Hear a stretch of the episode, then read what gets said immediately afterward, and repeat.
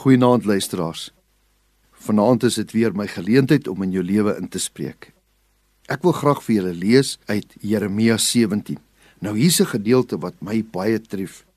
In vers 5 lees ons die volgende: So sê die Here: Vervloek is die man wat op die mens vertrou en vlees sy arm maak terwyl sy hart van die Here afwyk.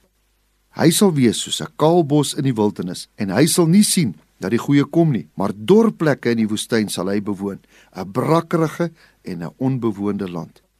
Hier sien ons dat wanneer jy op iemand vertrou en selfs jouself, weet jy jy kan nie jouself vertrou nie.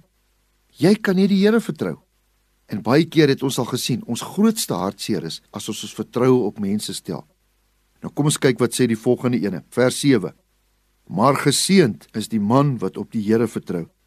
Wie se vertroue die Here is, want hy sal wees soos 'n boom wat by water geplant is en sy wortels skiet by die stroom en nie vrees as die hitte sou kom nie.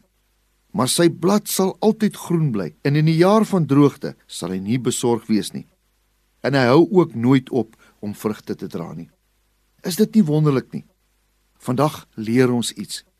Ons moet op die Here vertrou. My vriend, my vriendin, Ek weet nie wat jy sê nie, maar ek gaan op die Here vertrou met my hele hart, want my hele lewe is in sy hande.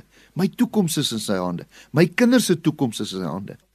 Vandag wil ek 'n verklaring maak en sê Here, help my dat ek nie meer op myself vertrou nie, dat ek nie meer op mense vertrou nie, maar dat ek my vertroue in die Here sal stel. En dan sê hy: Geseend sal jy wees wat op die Here vertrou. Ek wil vanaand vir jou bid dat jy jou vertroue in die Here sal stel al jou probleme, al jou finansiële probleme, al jou probleme van jou kinders. Kom ons plaas dit in die hand van die Here en weet dat hy dit vir jou sal doen. Hemelse Vader, baie dankie vir die voorreg wat ons se Vader kan hê wat ons al ons probleme kan sit. Ons vertrou U dat U vir ons sal deurkom.